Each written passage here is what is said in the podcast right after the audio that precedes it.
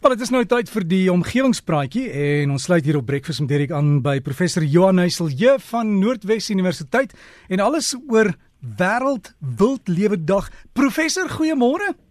Goeiemôre Derek, ek hoop dit gaan goed daar by jou. Ja, hier by ons die son skyn, is blou lig vandag. Ons kry nie so koud soos die mense in Europa en sekere dele van Suid-Amerika nie, né? Of Noord, ja, wat is dit Noord-Amerika? Gelukkig nie. Ja, ja, nee nee, hier by ons is nog somer. Gelukkig, ja. Die laaste oomblikke van somer nog geniet.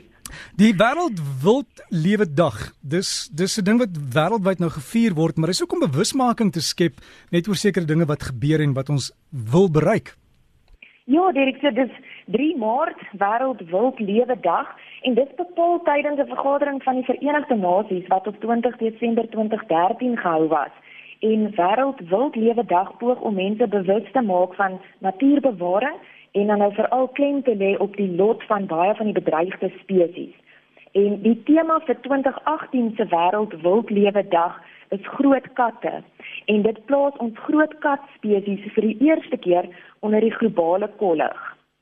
Groot kat spesies sluit ons plaaslike leeu's en jagluiperds en luiperds in, maar ook tiere, sneeuluiperds en pumas wat dan nou in baie ander wêrelddele aangetref word. Hierdie roofdiere is van die magtigste wesens van ons planeet, maar baie van hierdie spesies het tans bedreigde status. Die verlies van habitat is 'n groot aspek as dit kom by die oorlewing van die katspesies. En verlies van habitat is natuurlik direk gekoppel aan die toename in menslike ontwikkeling en die uitbreiding van landbouaktiwiteite, soos wat ons sien in die palmolieplantasies daar in Indonesië. Nou menslike aktiwiteite vernietig die natuurlike habitat, maar dit vernietig ook die prooi area van hierdie spesies. En dan klimaatsverandering dra ook by tot die verandering en die vermindering van die natuurlike habitat van hierdie spesies. Droogtes, erosie en die stygende oseaanvlakke impakteer op die natuurlike habitat van hierdie groot katspesies, net wat op ons as mens impakteer. En verder plaas die mense obsessie met hierdie groot katte en die onetiese jagpraktyke hierdie spesies nog meer onder die bedreiging. Volgens die Wêreld Natuurfonds beloop die handel van wild bykans 19 miljard dollar per jaar en is dit die derde winsgewende verhandeling op die swartmark na dwelm en wapenhandel. En hierdie mark word grootliks gedryf deur die vraag na tradisionele medisyne en dit is veral tiere wat ernstig hierdeur geraak word. Nou daar word geglo dat omtrent elke gedeelte van die tier 'n soort farmaseutiese waarde het wat gebruik word vir kwale wat westerse medisyne nog nie werklik kon aanspreek nie. Um volgens die Tigers in Crisis wetwerk word tiervet byvoorbeeld as tradisionele medisyne gebruik om reumatiek te behandel en die oogballe word gebruik om epilepsie te behandel. Die snorbaarde word gebruik om tandpyn te genees en terwyl dele van die brein gebruik word om pysies te behandel.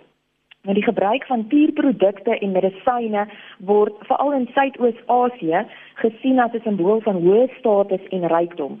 En dit is opmerklik dat sedert die ekonomie verbeter het, daar in hierdie lande 'n aansienlike toename in die vraag na hierdie tierprodukte was. Nou Afrika se groot katspesies is natuurlik die leeu en Afrika huisves ook die meeste leeu's ter wêreld.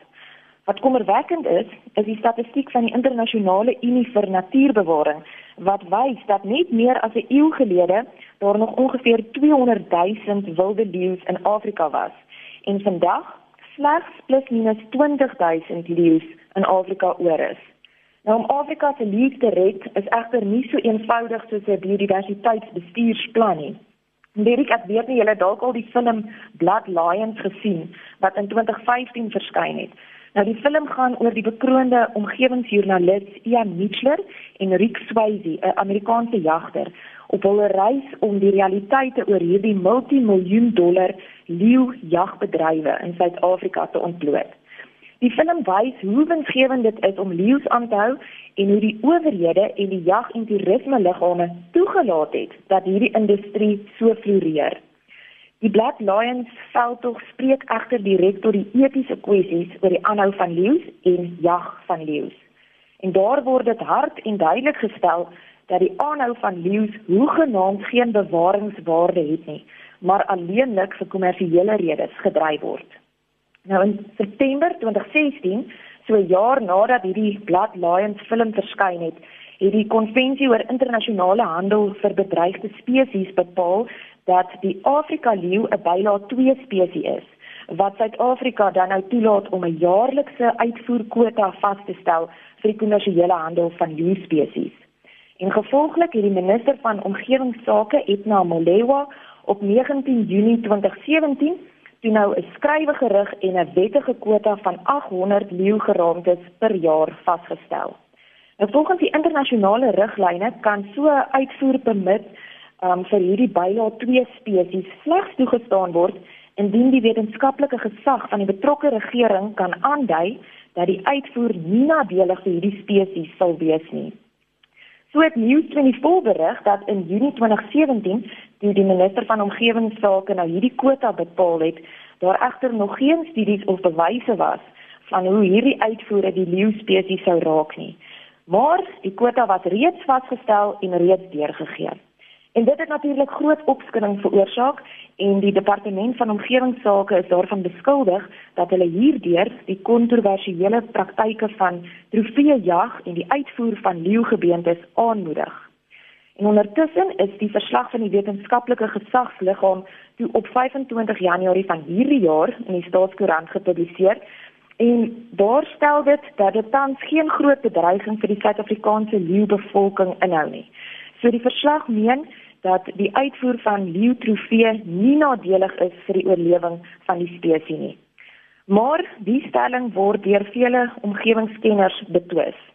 En die omgewingskenners het natuurlik ook baie vrae rondom hierdie bepaalde uitvoerkwota van 800 wat blyk gebaseer te wees op die gemiddelde handel oor die afgelope 10 jaar. So met ander woorde, die kwota is ekonomies bepaal en nie op wetenskap of lewensvatbaarheid gebaseer nie. Wat egter duidelik is, is dat hoe meer Suid-Afrika voorsien, hoe groter word hierdie aanvraag na leeuhandel. En dit is eintlik skrikwekkend as mens dink dat hierdie mark nie eens bestaan het voordat Suid-Afrika in 2007 vir die eerste keer daarmee begin het nie. Vir tans voer Suid-Afrika meer as dubbel die aantal leeutrofee uit as al die ander Afrika lande saam en daar is ongeveer 7000 leeu's in aanhouding. Maar ter afsluiting My groen gedagte is dat die leeu al in 26 Afrika lande uitgesterf het en Suid-Afrika ekstra hard moet beklei om ons koning van die oerwoud te beskerm. En vandag op wêreld wildlewe dag is dit dalk 'n goeie tyd om 'n oomblik te gaan stil staan by ons rol as mens en die bewaarder van die aarde en te besin oor wat ons vir ons nageslagte gaan nalat. So die omgewingsvriende Julle kan vir ons help met die bewusmaking en die veldtog vir wêreld wildlewe dag wat ek ook nou vir julle op ons omgewingspraatjies Facebook bladsy sal deel. So baie dankie. Ek hoop jy het ook verder 'n goeie wêreld wildlewe dag. Mm, baie dankie Janie. Ek ek respekteer die wildlewe en ek besef baie keer hier in in Suid-Afrika hoe bevoorreg ons is om veral in die groot stede jy's 'n uur weg van van 'n park waar jy kan gaan diere kyk en baie keer doen ons dit nie genoeg nie is vir Derek en daar's 'n klomp oulike inisiatiewe hoe ons kan help en met die bewusmaking en jou deel kan doen om verder te help met hierdie dierspesies. En 'n ding wat ons ook nie moet vergeet met wild eh, wêreld wildlewe dag nie is dat dat hierdie diere is wilde diere en as jy vriende het van die buiteland wat hier kom kuier, dis nie troeteldiere nie. Jy kan nie uitklim en aan hulle gaan vat nie. Verseker Derek, ek stem 100% saam. Jy moet 'n wonderlike naweek hê. Baie dankie Derek self vir vir julle. Baie dankie. En so gesels ons dan met professor Johan Heisel Jeuf van Noordwes Universiteit en as jy op hulle Facebook bladsy wil loer, dis omgewingspraatjies die meervoud.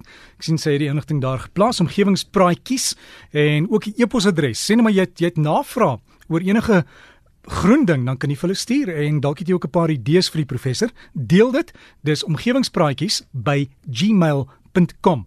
omgewingspraatjies by gmail.com